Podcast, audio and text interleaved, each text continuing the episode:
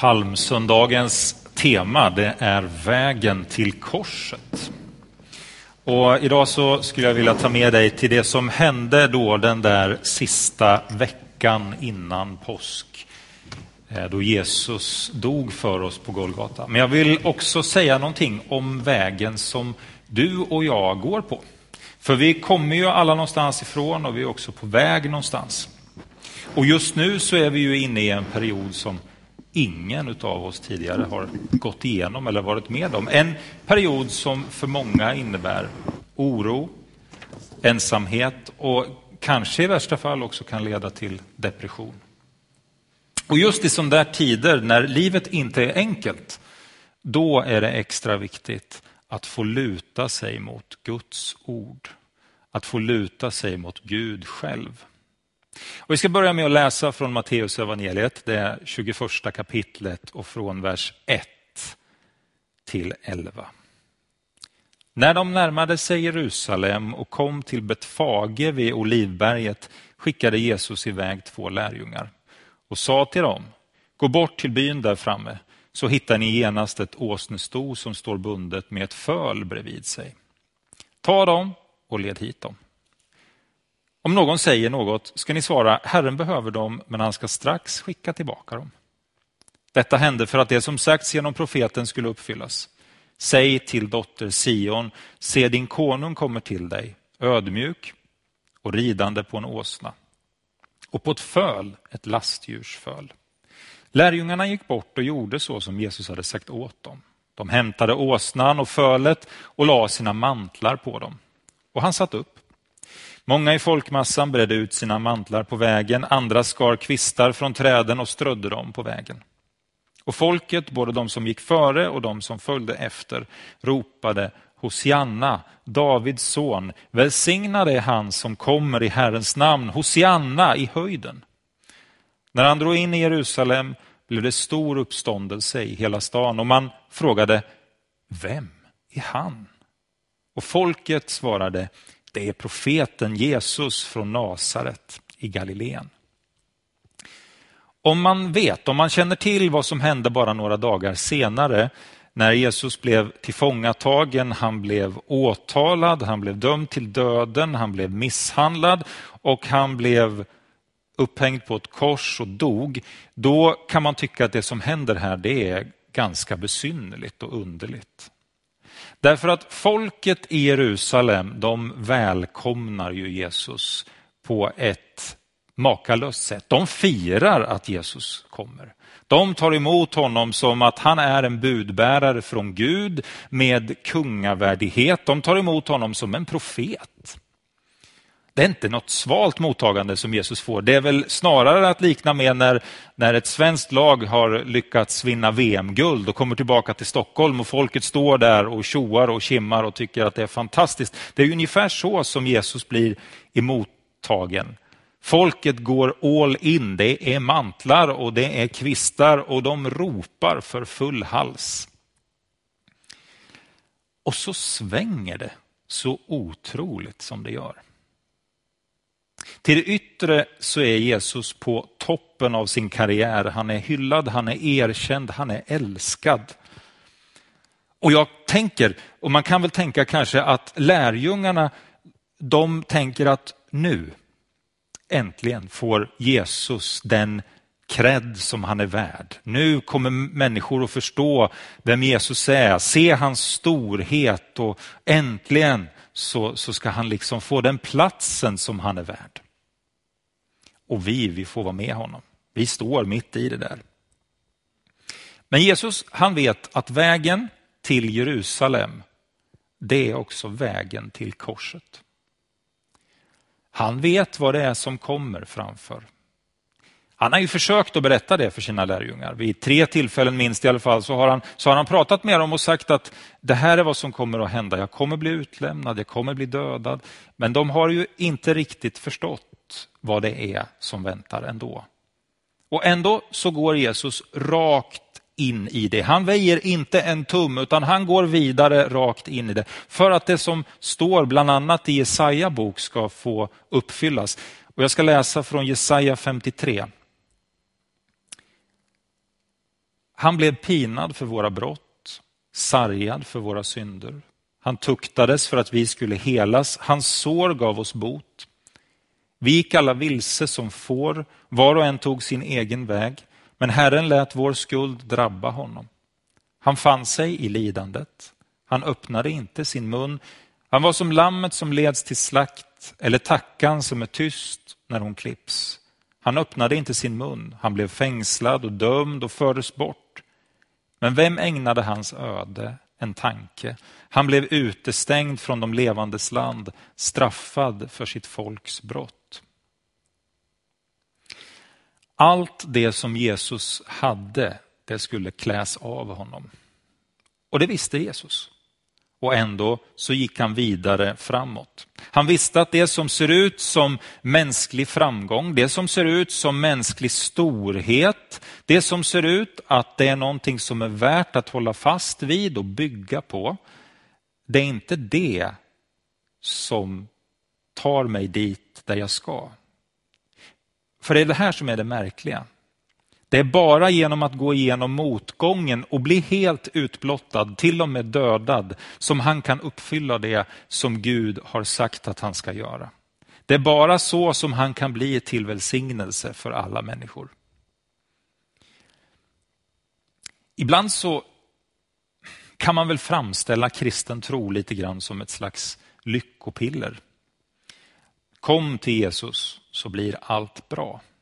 Men det är klart att bilden i Nya Testamentet är någon helt annan.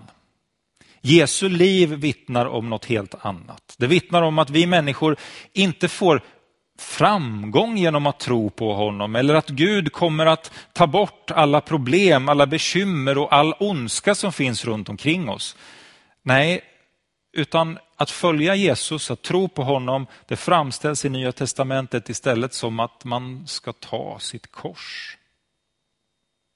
Alltså att man ska avstå från allt det som i mänsklig mening är tryggt och säkert och istället bygga på det enda som bär genom allt, när allting annat vacklar. Det enda som bär, att bygga på Jesus. Jesus han hade ett kors att bära och han bar det hela vägen. Och när det var som allra svårast så säger Jesus i sin bön, ta den här bägaren ifrån mig. Där i den där stunden så är det hans mänskliga vilja. Han skulle vilja slippa om han kunde. Om det hade funnits en utväg så hade han kanske valt den. Men samtidigt med Jesu vilja som finns där så finns det också i Jesus en, en djupare vilja, en, en vilja som går ännu längre.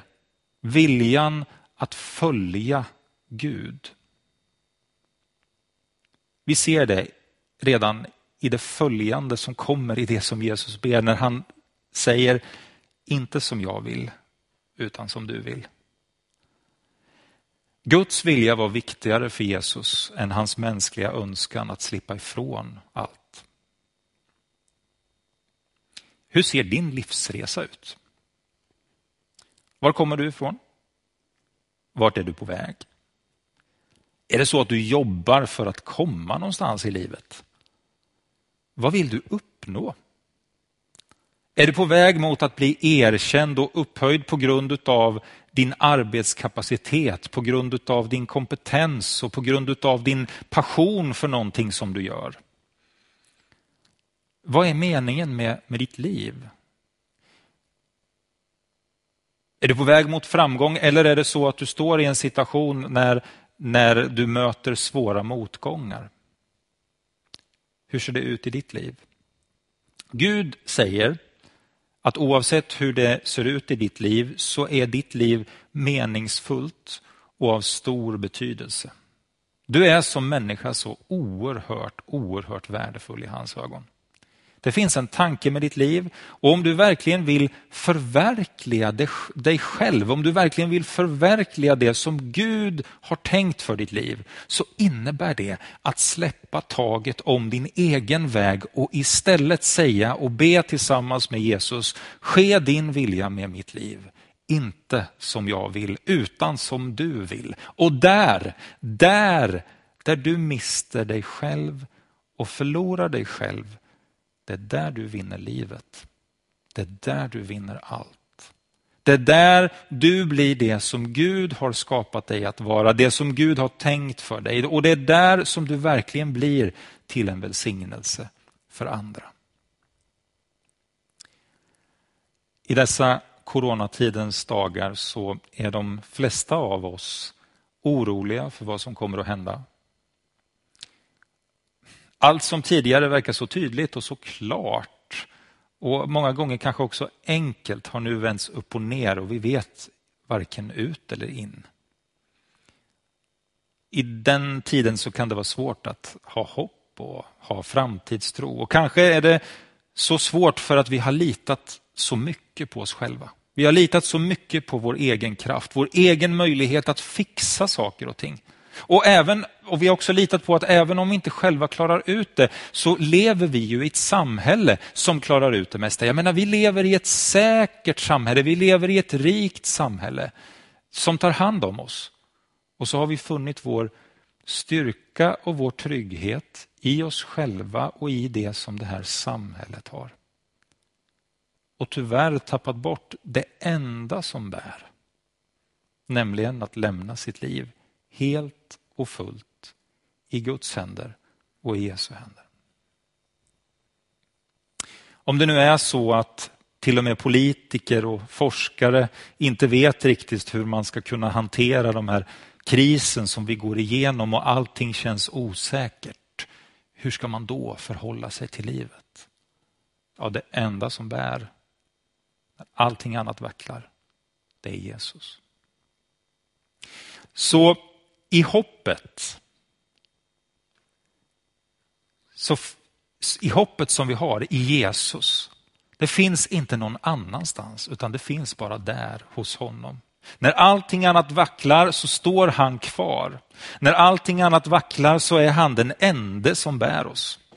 Han vek inte av från sin väg utan han fortsatte framåt Därför att han visste att det är det som kommer leda till välsignelse. Det är det som kommer ge det som behöver ges. Han vek inte av från den vägen och därför så har du och jag hopp i honom idag. Därför vet vi att han är den enda som står pall. Han är den enda som bär genom alla tider. Det är han som bär.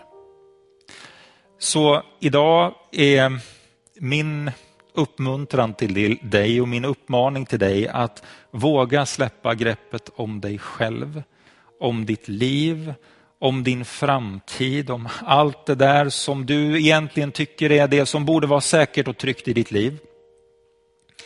Och istället luta dig mot Gud och luta dig mot Jesus. Och, och det här är ju inte enkelt, det här är ju jättesvårt, det är ju supersvårt.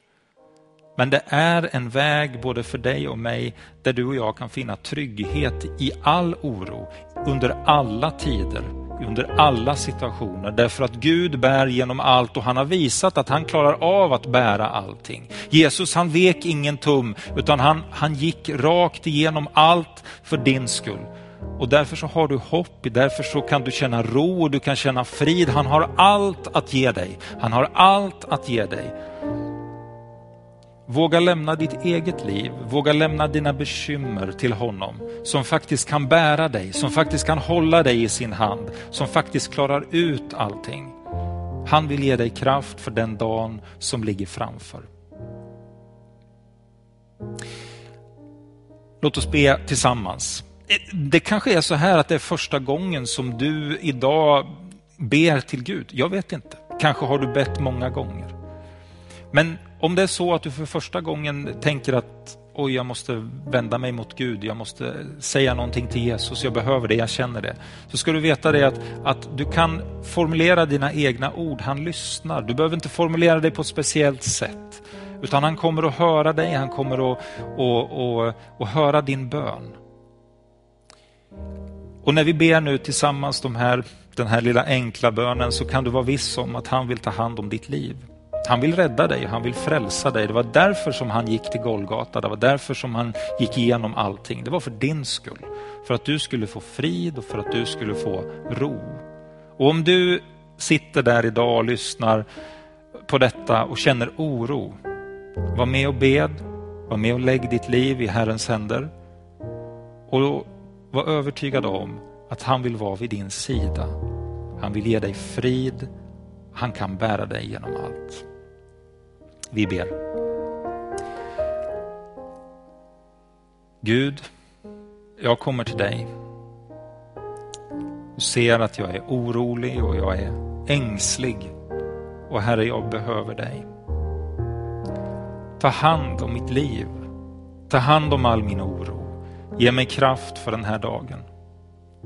Herre, jag lägger allt i dina händer. Hela mitt liv. Lär mig att gå på din väg och lär mig att inte gå min egen väg. Tack för att du bär genom allt och tack för att du för evigt står fast. Tack Jesus för att du dog för mig på korset och att jag får tro på dig. Herre, tack för att jag får lägga mitt liv i dina händer och du tar hand om allt. I Jesu namn.